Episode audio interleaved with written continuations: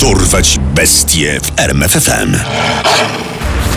Imię i nazwisko. Kenneth Allen McDuff. Znany także jako Miotłowy morderca. miejsce i okres działalności. Teksas lata 60. oraz lata 90. Skazany na Karę śmierci.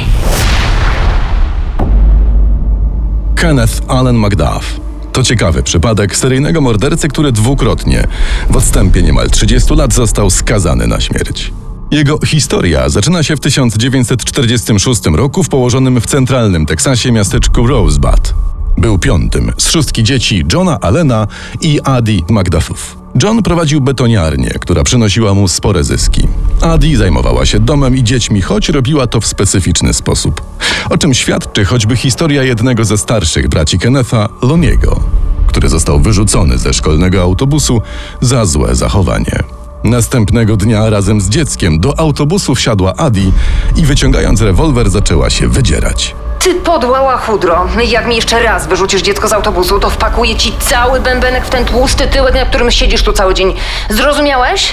Po tym wydarzeniu mało kto próbował zadzierać z Magdafami, a inni rodzice i szkolni pracownicy przezywali Adi mamuśką z rewolwerem. W liceum Kenneth miał opinię prześladowcy, często znęcał się nad innymi, ale na ofiary z reguły wybierał słabszych od siebie. Pewnego razu popełnił jednak błąd i zadarł z wysportowanym dzieciakiem, Tomim Samsonem, który nie bał się wysokiego, choć niezbyt sprawnego Kennetha. Tommy z łatwością wygrał bójkę. Macduff bardzo przeżył dotkliwą porażkę. Dla wielu swoich byłych ofiar stał się pośmiewiskiem.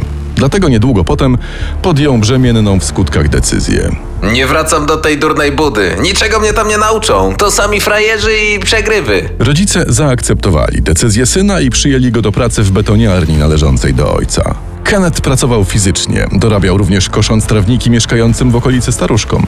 Po latach tak wspominał ten okres. Te babcie uwielbiały patrzeć, jak bez koszulki kosze ich trawniki. I to, jak ich sąsiadki patrzyły na to z zazdrością. A dla mnie to była okazja, by trochę rozejrzeć się po ich domach.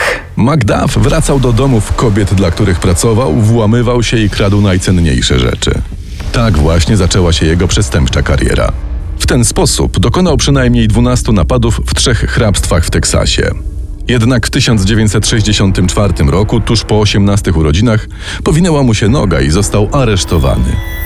Mimo aż 12 włamań, sędzia był dla niego dość łaskawy. Macduff miał odsiedzieć wszystkie 12 czteroletnich wyroków jednocześnie. Po roku zaczął starać się o zwolnienie warunkowe i wyszedł na wolność w grudniu 1965 roku. Niedługo potem, w wyniku drobnej bójki, znów trafił na chwilę do więzienia, ale ponownie szybko udało mu się odzyskać wolność. W tym czasie poznał swojego późniejszego wspólnika, Roya Dale'a Greena.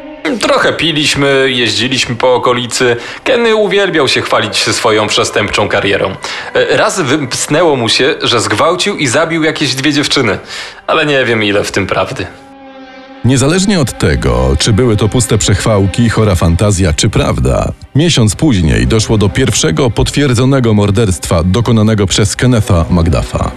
6 sierpnia 1964 roku Macduff i Green spotkali się po pracy. Przez chwilę jeździli po okolicy, gdy Kenneth oświadczył, że chce poszukać dziewczyny, z którą będą uprawiać seks.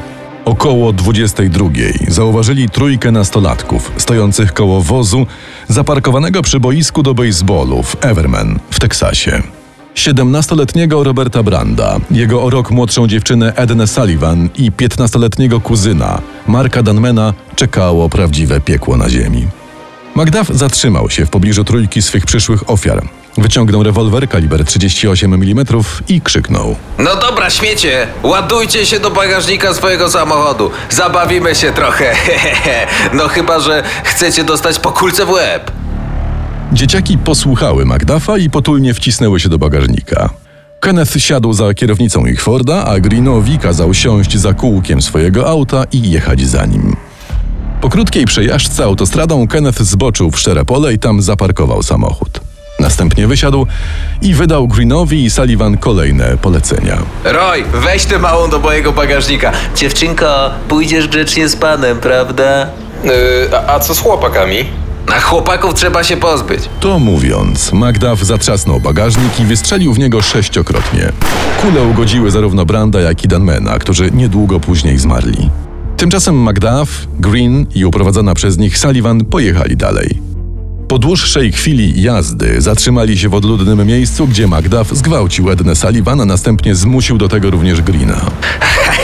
Roy, twoja kolej. Ale Ciebie też mam zastrzelić? Twoja kolej, powiedziałem. Po kilku godzinach Magdaf zdecydował, że pora zabić Ednę Sullivan. Poprosił więc Greena, by znalazł coś, czym będzie mógł udusić dziewczynę. Green dał mu swój pasek. Kennethowi nie spodobało się jednak takie narzędzie zbrodni i podszedł do bagażnika swojego auta, gdzie znalazł metrowy kij do szczotki. To właśnie nim udusił Sullivan. Napierał na niego tak mocno, że zmiażdżył szyję swojej ofiary. Następnie obaj mężczyźni przenieśli zwłoki jedny w krzaki i pojechali na pobliską stację benzynową, gdzie postanowili kupić sobie pokoi. Noc spędzili w domu Greena. Nazajutrz Magdaf postanowił posprzątać swój wóz i zatrzeć wszelkie ślady po wieczornej zbrodni. W tym samym czasie, dręczony wyrzutami sumienia Green opowiedział wszystko rodzicom ich wspólnego znajomego Richarda Boyda. Boydowie i matka Greena przekonali Roya, by przyznał się i zgłosił na policję. Jeszcze tego samego dnia szeryf Brady Pumplin oraz przedstawiciel US Marshals Thomas Purnell McNamara aresztowali Kennetha McDuffa jako głównego sprawcę okropieństw poprzedniej nocy. W oczach sędziego nie było wątpliwości. Zbrodnia, której dopuścili się Macduff i Green, była okropieństwem. Dlatego wyrok nie mógł być łagodny. Ze względu na szczególne okrucieństwo sąd skazuje podejrzanego Keneta Magdaffa na karę śmierci. Poza protokołem dodam panie Magdaff, że krzesło elektryczne to i tak zbyt łagodny wyrok. Tymczasem Greena czekało 13 lat pozbawienia wolności. Został potraktowany łagodniej, ponieważ współpracował z wymiarem sprawiedliwości, a według jego zeznań Macduff zmusił go do wielu potworności, do których doszło pamiętnej nocy 6 sierpnia 1964 roku. Dla wielu seryjnych morderców wyrok śmierci oznacza koniec historii. Tak się jednak w przypadku Kennetha Macduffa nie stało.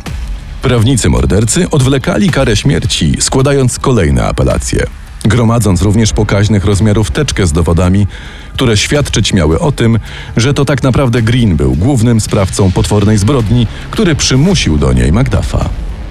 Apelacje trwały na tyle długo, że w 1972 roku nadal nie wykonano kary. To właśnie w tym roku zaczęła się seria wydarzeń, która w konsekwencji doprowadziła do uwolnienia Kennetha Macduffa. Początkiem tej serii była sprawa sądowa Furman kontra Georgia, która trafiła przed Sąd Najwyższy. Decyzją tegoż organu w niektórych przypadkach karę śmierci należało zmienić w dożywocie. Takim przypadkiem okazał się również Kenneth Macduff. Ocalony przed krzesłem elektrycznym Macduff za namową prawników postanowił nie poprzestawać na redukcji kary. Wykorzystując zgromadzone podczas apelacji dowody, postanowili postarać się o zwolnienie warunkowe. W 1989 roku, mimo rzekomego przekazania łapówki jednemu z urzędników, Kenneth Macduff został wypuszczony na wolność. W ocenie Komisji do Spraw Zwolnień Warunkowych Kenneth McDuff uległ skutecznej resocjalizacji i ma jeszcze wiele do zaoferowania społeczeństwu. Tym samym jego podanie o zwolnienie warunkowe zostaje rozpatrzone pozytywnie. Ten sposób Kenneth Macduff stał się jednym z 20 skazanych na śmierć morderców, którym z powodzeniem udało się wywalczyć zwolnienie warunkowe. Trzy dni po opuszczeniu więziennych murów znowu zaczął mordować. 14 października 1989 roku znaleziono 31-letnią Sarafię Parker. Kobieta została pobita i uduszona, a jej ciało porzucono w krzakach przy drodze międzystanowej I-35. Macduff nigdy nie został oskarżony o to morderstwo, chociaż mieszkał i pracował kilkadziesiąt kilometrów na północ od miejsca zdarzenia w Waco.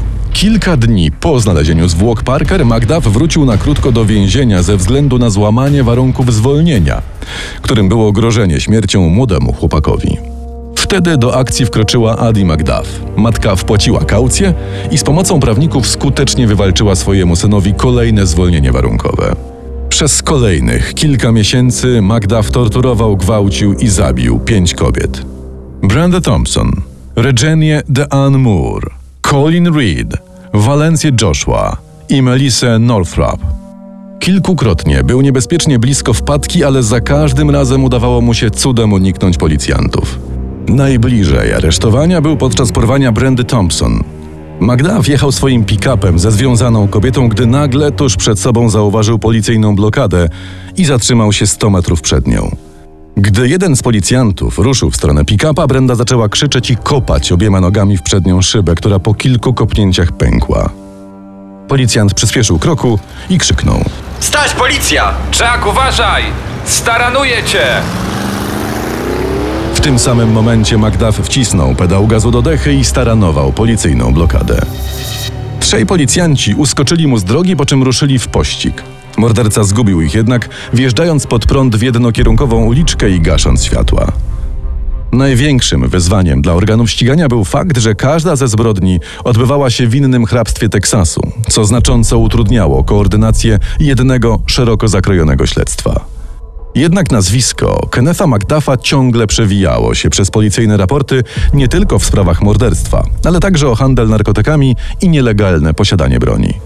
Dlatego w marcu 1992 roku prokurator stanowy wydał nakaz aresztowania Kennetha McDuffa.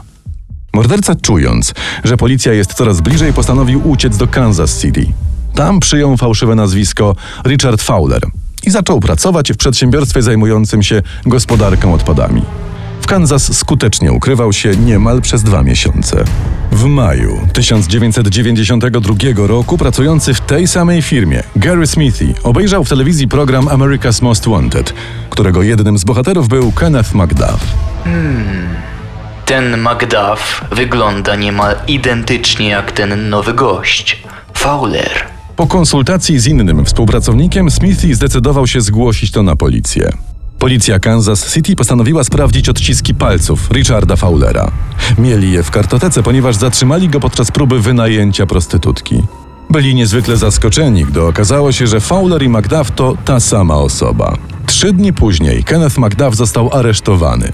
Co ciekawe, aresztującymi go oficerami byli Thomas Purnell McNamara Jr., jego brat Mike McNamara i Larry Pumplin, synowie oficerów, którzy aresztowali McDuffa w latach 60.